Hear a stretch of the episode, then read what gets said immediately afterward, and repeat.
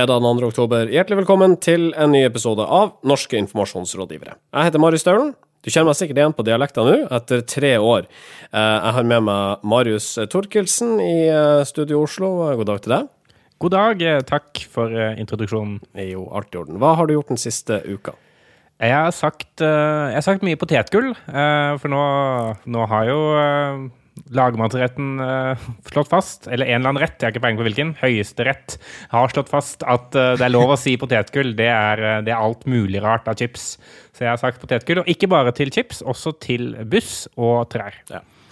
Um, Sindre, han det her syns jeg begynner å gjenta seg litt for ofte nå, men han er altså ikke her. Denne uka uh, så er han da på noe uh, småbarnsforeldre kaller for høstferie.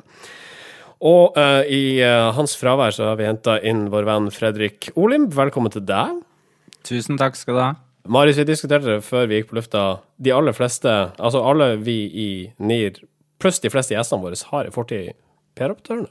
Ja, altså PR-operatørene anno eh, 2010 og utover er jo vært en slags sånn yngleplass for eh, podkastdeltakelse i norske informasjonsrådgivere. Eh, det, det kan jo sies. Eh, Det er jo mange dyktige, hyggelige, eh, smarte, pene, eh, vidunderlige folk som har vært innom PR-operatørene.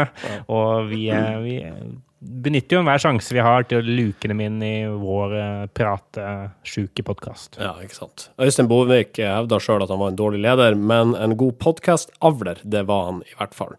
Um, Fredrik, kort om deg sjøl. Jeg har eh, vært i PR-operatørene, som nevnt, og eh, nå jobber jeg i Iteo Consulting, eh, et konkurrerende byrå.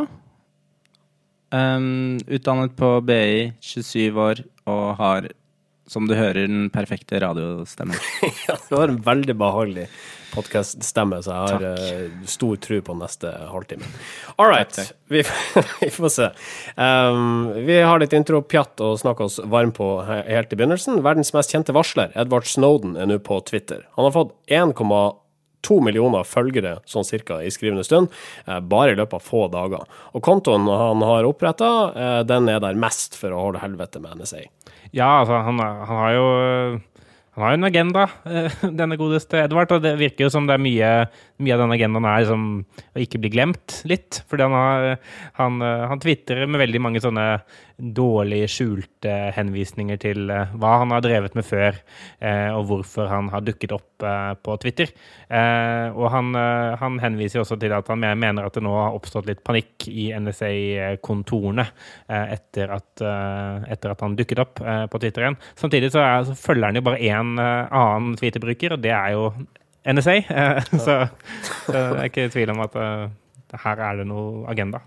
Jeg er litt, eh, jeg er litt imponert over, over tallene han kan vise til. Da. Fordi på Twitter og Instagram så, så er det jo en slags regel om at du skal følge færrest mulig og ha flest mulig følgere. Mm. Så du har jo egne kontoer som følger hundre, hundrevis og tusenvis av andre brukere, for så å un, unfollowe de dagen etterpå for å bygge opp sin egen følgermasse. Eh, Snowden, han eh, han har nå fått 1,2 millioner følgere ved å følge én konto, så hans, eh, hans eh, status blant eh, instagrammere og twitrere burde jo være rimelig høy allerede. Han har skyhøyt eh, clout score. ja. Finnes det ennå? Jeg vet ikke, burde gjøre det. Jeg husker jeg hadde 50 en periode, var kjempefornøyd med livet. All right. Uh, Petter Stordalen har skrevet bok. Denne lanseres om en tre ukers tid, og forhåndssalget nærmer seg norgesrekord, melder Aller-forlaget. Jeg kan ikke noe om å selge bøker, sier Stordalen i et presseoppslag om den kommende boka. Ja, altså han, eh, han påstår at eh, dette her med å selge ting, og da bøker, eh, spesielt bøker, da, er jo helt fremmed for ham. Samtidig så, så har han jo forstått at han trenger å generere litt hype i forkant av boklanseringen, og få altså da til et presseoppslag som egentlig forteller meg det at han da vet noe om å, hvordan man skal selge og lansere bøker, som gjør at hele den saken blir veldig sånn meta, nesten litt sånn selvmotsigende. Jeg vet ingenting om å selge bøker, sier Petter Stordalen i et eh, presseoppslag for å selge boka. Apropos eh, selvmotsigende, så kommenterer jo Ellen Arnstad i alle forlag eh, følgende om boken, og nå leser jeg bruddstykker. Den handler om mye mer enn Petter Stordalens forretningsmessige liv. Og så kutter jeg til at det, er en, det er en historie om både opp- og nedturer i jobblivet. Og så kutter jeg til og en fantastisk historie om entreprenørskap. Så Men mye mer, da. Men ja, mye mer også. Men eh, mye Ja. Han sier jo Stordalen at han hadde Altså, han har folk eh, til, til å pushe boka, da. Eh, Nå parafraserer jeg selvfølgelig det jeg leste i kampanje, var det vel. Men eh, jeg kom på, og jeg måtte søke det opp nå, at jeg fikk en mail fra Nordic Choice Club der de tilbød meg en signert førsteutgave av Petter Stordalens bok, altså så fremt jeg var en av de første 500 som la inn eh, bestilling. Med link til kjøpboken her. Så han kan jo Men- noe om å selge bøker. Nei, han kan ingenting om å selge bøker! Ingenting. Men han selger ganske bra, da, til ikke å kunne selge bøker. Ja, det er utrolig bra. Altså, tenk hvis han kunne selge bøker. Da hadde vi alle eid en bok hver allerede. All right. Jeg tror eh, vi har prata oss bare nok. Hjertelig velkommen til Norske informasjonsrådgivere, episode 124. Norske informasjonsrådgivere. I sommer åpna en ny kaffebar på Grünerløkka i Oslo. The Secret Coffee Shop het den, og angivelig har den gjort suksess blant kaffehipsterne som frekventerer bakkene der borte. Torsdag ble det avslørt at dette slett ikke er det uavhengige establissementet det ga seg ut for å være. The Secret Coffee Shop er nemlig et stunt i regi av Coop, og produktet folk har drukket, er brandkaffen deres. Ja, det, jeg syns jo dette her er ekstremt morsomt. Eh, Jeg syns eh, Coop eh, har vært både kreative og hatt ja, De har hatt en litt sånn De har spilt på dette her med at eh, kaffe skal være så kulturelt, og, og du skal, hvis du kjenner kaffe, så, så klarer du å skille forskjell fra butikkaffen til en virkelig god, original eh, kaffe fra, fra fjellene i Andes.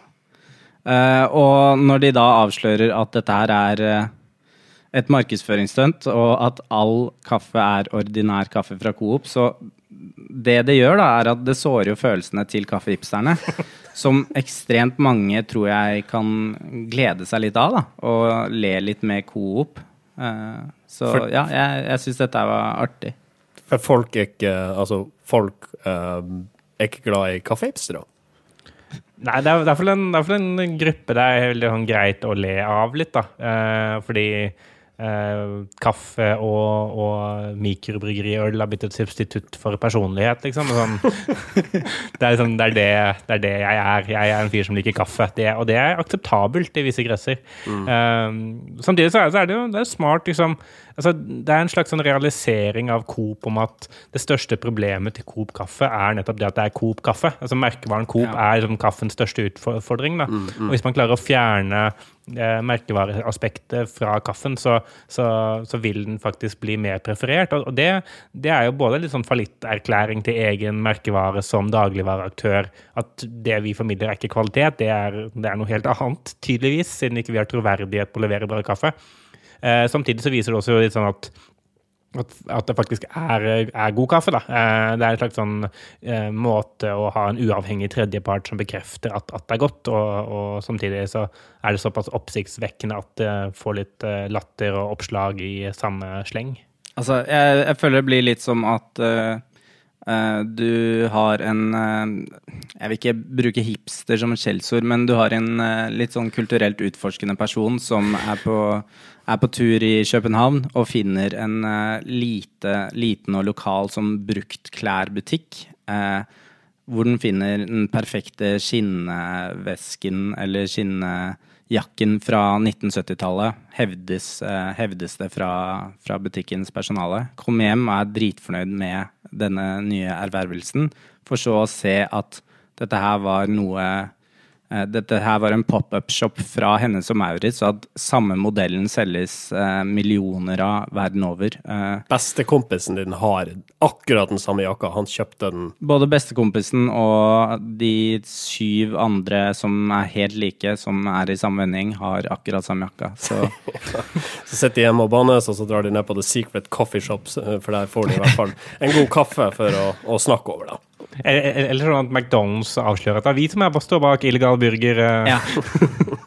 All right. Eh, men altså, det her er jo knapt noe nytt. At merkevarens styrke er viktigere enn produktets kvalitet. At vi snakker om et eh, billig produkt, denne kaffen relativt billig i hvert fall, som presenteres som noe eksklusivt og unikt. Og folk liker det. Og man ser jo mye av det samme f.eks. i vinverden. I gjentatte blindtester så finnes det eksperter som ikke klarer å skille billig fra dyr vin, og som dersom de får oppgitt prislappen på vinen før de drikker den, vurderer vinen som eh, bedre. Eh, Brian DeMarco han er vinimportør og har gjort en liten test på det her, og ble intervjua i Freakonomics. we did a, a, a tasting, a brown bag, and we had this exact same wine in both bags. And we told them that one bottle was a $50 bottle and to write their reviews. And we said another one was a $10 bottle to write their reviews. And of course, they're both $20 bottles according to retail, what they would sell at any retail store. And then we reversed it. And we said now the $10 bottle is really the 50 and everyone liked the $50 bottle better in both circumstances.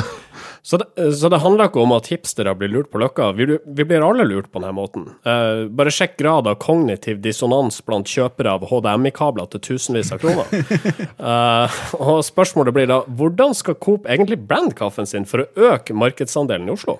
Nei, det, det er jo godt å si. Altså, sånn, det jeg ikke helt skjønner med alt dette, er måte hvorfor Coop trenger å brande kaffen sin. Fordi eh, altså de som kommer til Coop i utgangspunktet, da, eh, de vil jo sannsynligvis handle Coop-varer. Altså, det, det er ikke som om liksom, kaffen i seg selv blir en driver for å velge Coop framfor en annen butikk.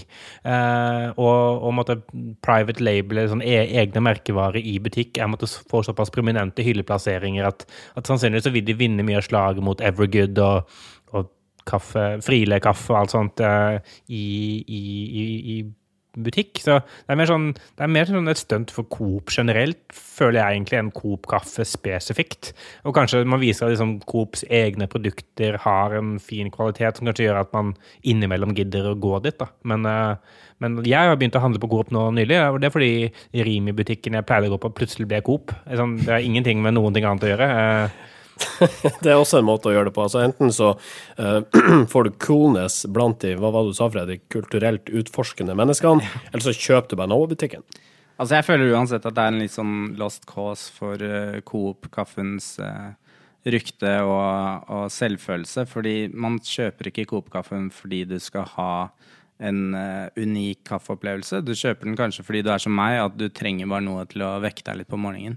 Uh, det er det samme som at du vil ikke se First Price toalettpapiret plutselig forvandles over natten, uansett hvilket stunt du legger bak det. Det vil fortsatt være sett på som et litt sånn uh, litt hardt og vondt alternativ til uh, Lambin. Men man kjøper det, fordi iblant så venter du en ekstra uke på lønning. Iblant så er det, er det tøffere tider, og, og da gjør det jobben. Men det vil ikke på en måte kapre plassen til de etablerte merkevarene som har en litt mer kvalitetsfeeling til seg, tror jeg. All right. Um, la oss eh, avslutte med en tommel opp eller tommel ned for Coop sitt kaffestunt. Tommel opp for stunter rent sånn PR-messig. Det, er jo, ja, det får liksom oppslag, og det er gøy. Og, og, sånt, og så er det, så føyer det seg inn i rekken av liksom lure-PR da, igjen. Altså Enda et sånn PR-ting som bruker luring som PR-grep. Det er tydeligvis nå også greit hvis du ikke skal redde sultne barn eller stoppe barnebryllup. Jeg vil gi den eh, en tommel opp fordi det er morsomt, men jeg ser Marius sitt poeng, og det kan være en uheldig utvikling hvis vi snakker om noe mer alvorlig enn hipsterkaffe. Norske informasjonsrådgivere. VG er et av landets største mediehus på nett. Det har ført til at lokalavisene rundt om i landet forsøker å kopiere de tabloide triksene Verdens Gang bruker med stor iver, som krigsfonter, fravær av ingresser og tvetydige overskrifter. Så skriver Morten Holst på sin blogg, gjengitt i fagbladet Journalisten. For hvorfor skal Hun fant årets første blåveis ropes ut som om rådhuset sto i full fyr, og hvorfor skal forsidene se ut som eh, etter en eksplosjon i VGs overskriftsarkiv, spør Holst. Ja, det er jo blant de mer, eh, mer populære eh, kommentarene på journalisten denne, denne uka. Eh, og, og Morten Holst, han, eh, han, høres jo litt sånn gammelmodig ut eh, når han skriver dette, men samtidig så er det, så er det også litt sånn interessant observasjon, syns jeg. liksom at, at måten måten nettjournalistikk gjøres på. Det var vi inne på forrige uke også, med sånn clickbating og sånn. Altså, det har blitt en veldig sånn, en sånn standard måte å gjøre det på, at man, man slår opp alt Eh, stort, eh, eh, med, med liksom sensasjonspreg. Enten fordi man ønsker da å få mye klikk, eller fordi man ønsker å bli nevnt i Misjonens lokale nyheter-spalte, virker det som. Og, jeg tenker det at det at lokalavisene blir likere hovedstadsavisene eller riksavisene, det, det er jo liksom, det er kanskje ikke den rollen de skal ha, og det syns jeg er et godt poeng fra, fra Holst.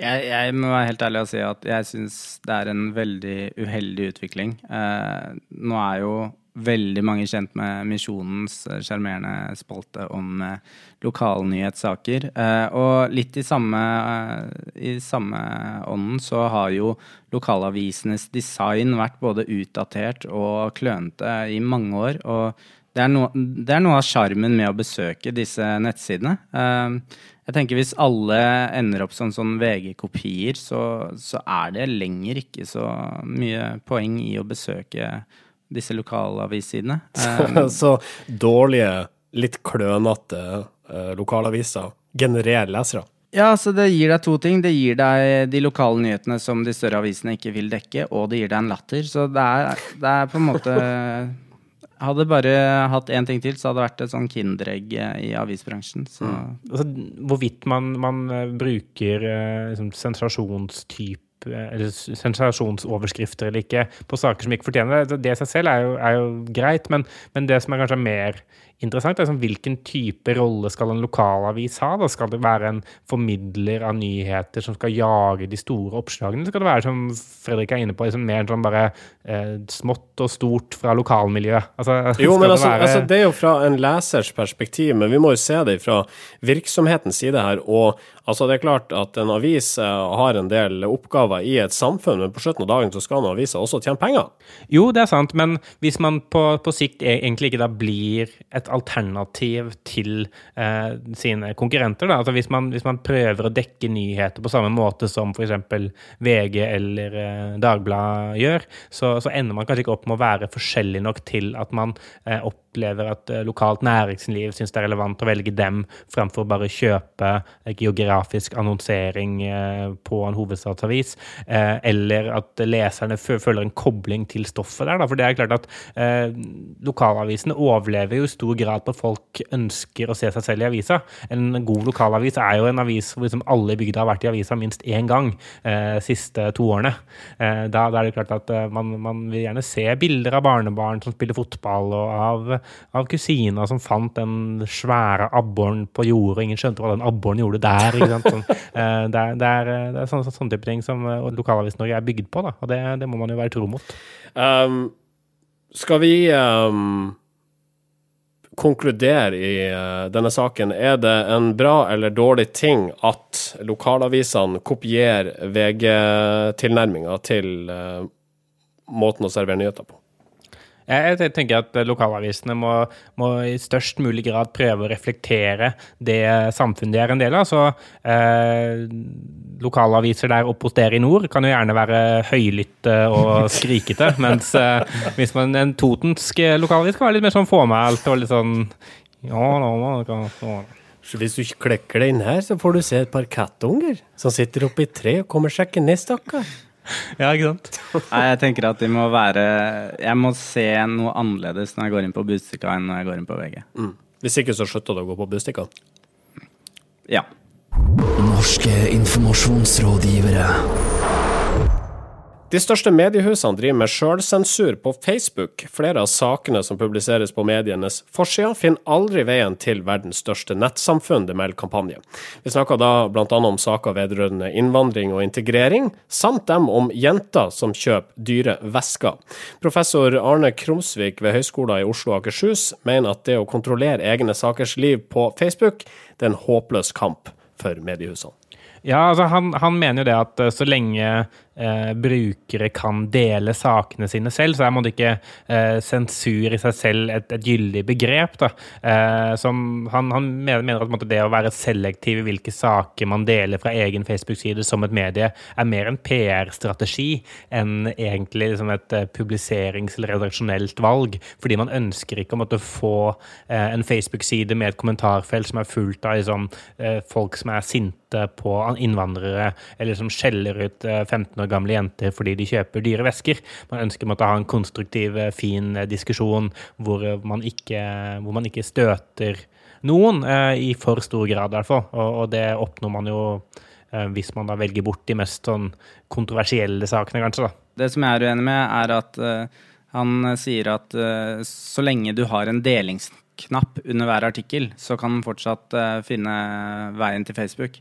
Men det at avisene selv eh, ikke deler alt, gjør jo det at eh, det, det, blir ikke et eh, felles fora for å hate på, da. Um, hvis jeg hadde valgt å dele en artikkel som vg.no ikke deler på Facebook, så er det ikke sånn at nedslagsfeltet blir veldig stort. Det blir kanskje tre andre venner av meg som kommenterer under samme sak, og så på en måte slutter tråden der. Um, jeg er veldig for at VG og de største avisene har litt uh, samvittighet når det kommer til hva de deler. Fordi For det første kan de ikke dele alt de publiserer. Da hadde du sannsynligvis blitt kastet ut av Facebook. Men uh, også fordi at um, du risikerer jo at uh, modereringen, arbeidet med å moderere debatten fra din egen side, blir for stor og for kostbar til at det er verdt det. Mm. Altså, så, sånn som i, i Aftenposten, så, så, så, er det sånn at vi Det er noen, noen temaer som er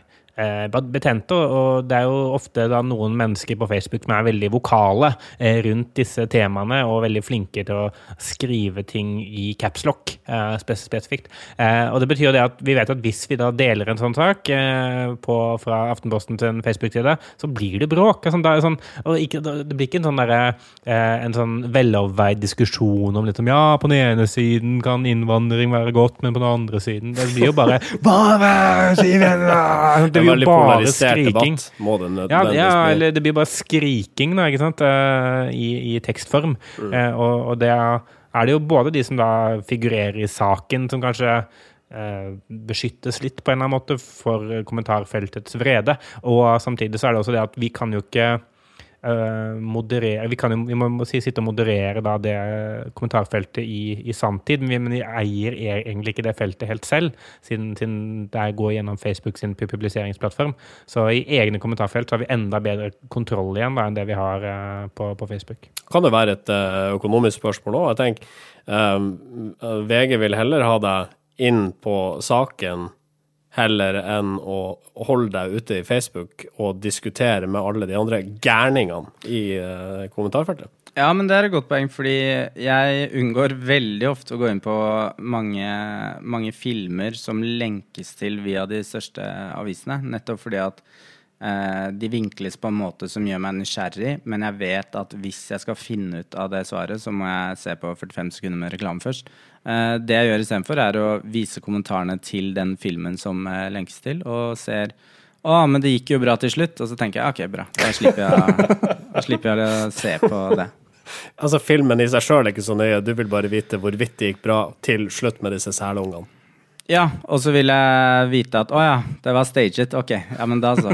Fordi da, da på en måte sparer jeg de to minuttene, eh, og fortsatt får tilfredsstilt uh, den nysgjerrigheten som skapes, da. Mm. Og så ser jeg jo eh, i, i, saken om, om Altså at man er selektive på det som legges ut, at Hege Øygarden, redaksjonssjef for nrk.no, syns det var uheldig da de la ut en sak på Facebook om jenter som kjøper dyre vesker. Og det tenker jeg at det er et veldig godt eksempel, fordi da har du eh, personer i sin mest usikre alder, eh, altså ungdommen, som eh, seg, altså prøver å eliminere den usikkerheten ved å kjøpe dyre vesker. Eh, men når du da eh, nærmest henger ut de, eller i hvert fall identifiserer de på Facebook med et kommentarfelt under, så, så bygger du bare opp under den usikkerheten deres igjen, fordi de vil jo sjekke kommentarfeltet, og da er de plutselig usikre med dyrevæsker istedenfor å være mindre usikre med dyrevæsker. Så du kunne bare spart de pengene til veskene. Egentlig. Og da har du aldri kommet vise seg heller. Det der er en evig runddans for veskekjøpere. Det er det. Å, væskens forbannelse! Men, men det, det er noe litt sånn for meg noe sånn, litt sånn selvmotsigende også, det der med at eh, vi kan godt publisere saken på nettsiden vår, men på Facebook, det blir for mye. Altså, der, eh, altså, vi, man, enten så sier man da at liksom, eget nettsted det har, har ikke så stor gjennomslagskraft som Facebook, og det stemmer nok i, i de fleste eh, grunner. Eh, eller så sier, sier man det at liksom, eh, vi vi tenker det at ved å ikke publisere det på Facebook, så beskytter vi noen. Mens vi, med å publisere det på eh, vg.no eller, eller vår eget eh, nettsted, så, så gjør vi dem en tjeneste. Eh, og da er det jo egentlig er det saken i seg selv det er noe galt med, eller er det liksom hvor den publiseres? Som vi også Man burde kanskje gå en runde på. da. All right. Skal vi gi en tommel opp eller tommel ned for den selvsensuren? Jeg gir tommel ned. Jeg eh, gir tommel eh, opp for at de tar, eh, tar litt ansvar, men ja. 14. til 16. oktober er det endelig klart for årets store PR-event, Høstseminaret! Det skjer på Oslo Plaza, og på programmet står blant andre Thomas Midteide. Klaus Valskov. Russell Grossman. Øystein Bonvik, Per Slingmann. Og den semipopulære podkasten Norske informasjonsrådgivere. Meld deg på på høstseminaret.no. Det blir også en eh, samtale mellom eh, Knut Olav Åmås, Anine Kjærulf og Mørken Holter på om vi er eh, døråpnere eller portvoktere. Og det er ikke vi norske informasjonsrådgivere, men alle norske informasjonsrådgivere. Som er interessant. Det trengs. Tommel opp. Ikke gjør dette. Et selskap som driver med IT-sikkerhet, som heter IT-sikkerhetsselskapet, har lansert det de hevder er ei avansert løsning som hindrer nettrusler, kalt Sandblast. Dette sendte de ut ei pressemelding om. Eh, Meldinga var skrevet av PR-byrået Navigator. Eh, Og denne meldinga fra Navigator inneholder da lenker til et nettsted som angivelig skal være infisert av skadelig programvare. Ja, altså, eh, Noe av det første jeg lærte etter jeg eh, begynte i PR-bransjen, var det at det er én ting du aldri vil, og det er å være en del av historien du formidler. Uh, og det er jo på en måte skrekktilfellet som eh, har skjedd her, da. Fordi da har du uh, PR-byrået som har sendt ut en uh, pressemelding, som i og for seg er en ganske standard eh, aktivitet, som man gjør eh, ofte. Men eh, så har de tatt i bruk eh, en, et nyhetsformidlingsnettsted som visstnok var usikkert, og dermed ikke fikk formidlet pressemeldingen fra IT-sikkerhetsselskapet om viktigheten av IT-sikkerhet. Det er, jo, det er jo ikke ønsket resultat, eh, det kan vi jo fastslå ganske kjapt. Eh, Det er, og så er det sånn at det, det, dette er en av yndlingstingene til mediene, er det når, når de får en eh, pressemelding hvor det er noe galt i pressemeldingen. Sånn, enten hvis det er noe sånn derre eh, eh, fjern eh, Det er sånne kommentarer som man har glemt å fjerne, eller, eller noe sånn eh, vis tidligere redigeringer, ting som er eh, synlig. Eh, eller dette her da, hvor liksom, eh, PR-byrået har eh, driti seg ut. Og, og, så tenker jeg det at det er ikke så mye å gjøre her for PR-byrået, eller for virksomheten bak, eh, annet enn å si det at eh, jo, jo, men eh, Men nå er det jo i hvert fall sånn en gang at vi har jo lansert dette verktøyet, da. Så hvis dere kan skrive litt om det også, så hadde det vært uh, supert. Ja, ikke sant. Det er ikke sikkert at denne uh, saken hadde fått så veldig bred dekning dersom det kun hadde omhandla dette verktøyet, for det er jo ikke så veldig interessant, egentlig. Nei, og det er et godt poeng, fordi eh, siste setning fra intervjuet om flausen eh, er- heter at eh, da kommer bl.a. vår Sandblaster inn som en løsning. Man trenger flere lag av sikkerhet. Eh, så altså, de fikk jo i hvert fall en anledning til å kommentere infiserte nettsider eh, på denne måten. Så Sandblaster, som da nettopp ble lansert, er en potensiell løsning eh, for problem, eller på problemer som dette selskapet sjøl hadde da de sendte ut en pressemelding om Sandblaster. Ja. Det ble et eh, langt, langt resonnement, men eh, bare si ja. Ja, og, og jeg håper jo at det her var planlagt uh, hele tiden. Jeg skal ikke se bort ifra at det var det. Uh, det er Digi.no som melder dette. Ikke gjør dette! Nei, unngå det. Nei. Ukas medieinnsalg. Stabburet og Japan Foto står bak medieinnsalget denne uka for en leverposteiboks du garantert ikke har sett i butikken. Ja, stabburet lar jo brukerne sine få lov å sende inn bilder av dem selv, slik at eh, de kan få eh, leverposteibokser med bilde av eh, dem selv på. Det er jo stas, og jeg håper jo at mange benytter seg av å gjøre det, for det er jo, altså tenk deg, å ha en egen leverposteiboks med bilde av deg på. Mm. En, av de som, en av de som gjorde dette, det var Gunn Naustenge, som gjerne ville ha et bilde av Philip, hennes sønn på ni år, på leverposteiboksen. Så hun sendte inn bilde av eh, Philip, og tilbake så fikk hun et bilde av Vladimir Putin. Eh, på et lokk hvor det står ikke leverpostei, men Putin-postei. Og, jeg, og Naturlig rik på jern, står det også anført. det er litt sånn, det sånn skøyeraktig bilde av Putin også. Det, det passer perfekt inn i, inn i dette leverposteiene. Han ser litt ut som en sånn leverposteigutt. Ja, faktisk. Han ser ut som han har vokst opp på liksom, eh, leverpostei og grovbrød og alt mulig rart mm. godt. Ja. Det, det, det som er litt rart med dette, er det at eh, Stabburet og Japan Foto, som lager disse lokkene for stabburet, mener at oi, oi, her har det skjedd en glipp. Denne skulle vært sendt til Russland, eller noe sånt. Men, men det kan jo ikke være det. Dette, dette, dette, dette må jo være bevisst.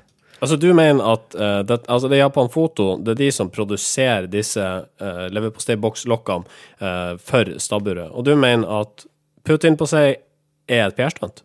Ja, fordi jeg forstår ikke helt hvorfor det skal bli hetende Putin på seg. Altså, er det sånn at uh, altså, jeg, jeg forstår ikke hvordan det her kan skje som et uhell. Det, det er det jeg syns er så rart. Og så er det sånn, såpass morsomt og såpass litt sånn, nesten litt sånn eh, clever at jeg tenker at det her er det for noen som har tenkt at dette kommer til å få oppmerksomhet på en eller annen måte, og, og benyttet seg av det.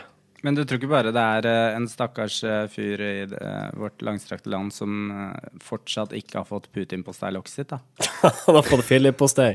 Jo, men, jeg tror også det er rart fordi eh, Rolf Kjetil Egge, eh, som er avdelingsleder for Japan Foto, avdeling Breim, eh, han sier jo det at eh, de lover at Philip på nyår skal, skal få sitt lokk, og kunden som bestilte dette her fra Russland, skal få sitt lokk. Så han impliserer at det er Putin selv som har bestilt dette, dette lokket. Eh, og, og det også er en sånn liksom morsom kommentar som får meg til å tenke at det her er planlagt. Dette er ikke bare tull. Ja, men da, det, er- det er flere ting ved denne saken som skurrer litt. Han uh, sier også at eh, hektiske høstuker med flere hundre tusen unike lokk er årsaken til forvekslingen. Og da tenker jeg dette her må være tidenes mest eh, vellykkede produktstunt. Altså, hvis, hvis det er så stor etterspørsel på disse lokkene her, så er jo dette en vanvittig suksess for både Stabburet og Japan Foto. Så dette er jo en gladsak. Det er jo ukas medieinnsalg òg. Ja, det er, det er, det er, det er jo, det er jo i hvert fall, når, når det først skjedde, så, så har man jo vært helt sikker på at TV 2 har fått vite om det, og man har fått sendt dem artige Putin-postei-bilder og, og gitt morsomme kommentarer og gjort alt for at det skal få eh, litt sånn fin, god, gammeldags eh, omtale. Og det fører også til at eh, nå er det noen flere som vet om at eh, du kan få et sånt personalisert lokk. Hvordan lokk ville du hatt hvis du skulle bestilt? Jeg ville hatt et lokk med NIR-logoen. Det ville jeg ha hatt. Med meg sjøl på, selvfølgelig. Mm. Det går mot slutten. Vi skal ta med en liten ting helt på tampen her. de dukka opp igjen, disse statusoppdateringene på Facebook, der eieren av posten tror at bare ved å poste dette her, så er han eller hun unntatt fra lisensavtalen opprinnelig signert med Facebook. Du vet den som blant annet gir Facebook rett til å bruke dine private bilder i markedsføringssammenheng. Dette funka altså ikke, men ikke ta det fra meg, ta det fra John Oliver, programleder for eh, showet Last Week Tonight. Posting these statements is meaningless, no matter how serious their language may be. One of the more popular versions begins with the sentence, I do declare the following. Now, let me stop you right there. And this is important. Just because you say something in the voice of a southern debutante does not make it legally binding. I do declare, Mr. Beauregard, that status update about last night's episode of Scandal is mine, mine alone, mine alone. I do declare, I declare it. Altså, det her greiene her, det blir debunka gang på gang på gang. Jeg- eh, Altså, det, de har dukka opp flere ganger før. Hvorfor er det fortsatt noen som deler de? Jeg tror det er fordi um, folk er eh, Det fins mange folk på Facebook, eh, rett og slett, og mange av de er, eh, er godtroende, da. Altså, de, de tenker jo det at eh, man ser en sånn lang oppdatering, og det i tillegg er noen sånne juridiske termer inni her hvor det står paragrafer, og det står EU-kodeks, og det står, liksom, det står mange, mange ting som virker fancy. Så tenker man det her det her må jo være ekte. Eh, og nå skal jeg ta rotta på Facebook her. Nå, de tror de er min pri private informasjon, men uh, den gang ei. Men det er ikke bare Altså, én ting er når eh, godtroende og litt enkle individer blant oss vanlige eh, leser dette her, og kanskje skriver det selv. Det sprer seg jo. Men så har du enda mer godtroende og enda mer eh, påvirkende kjente personer. Eh, det er da katastrofen skjer. Eh, jeg har funnet en eh, en Facebook-side til en som heter Mohit Kauhan. Jeg vet ikke hvem det er, men det er en musiker slash band. og denne personen eh, med pilotbrillene og den søte hunden på profilbildet har altså over 5,1 millioner følgere, eh, og presterte 29.9. Eh, å kopiere og lime inn denne meldingen. Eh, han avslutter med 'Dette må deles videre til alle følgerne hans'. Da er det ikke rart at sånne ting sprer seg. Nei, det må, nå må jeg slutte. Nå er, nå er det nok. Nå, nå, ja, nå må Facebook ta grep og banne og ta livet av folk. Men- det har de kapasitet til. Det er ikke det, er ikke, det, er ikke det at eh, det har kommet eh, så mange eldre på Facebook i det siste, at de kanskje ikke kjenner til uh, reglene lenger. Jeg tenker sånn, Vi som har eh, hatt Facebook siden det kom til Norge, vi har etter hvert begynt å bli ganske vant til å se slike ting og avfeie det. Men så kommer foreldrene våre, og så kommer deres foreldre igjen inn på Facebook. Og la oss være ærlige, det er jo ikke lett å vite på en måte de sosiale reglene for eh, et nettsamfunn som du nettopp har blitt en del av. Kan det det være sant. at de er med på å skape denne landeplagen nok en gang?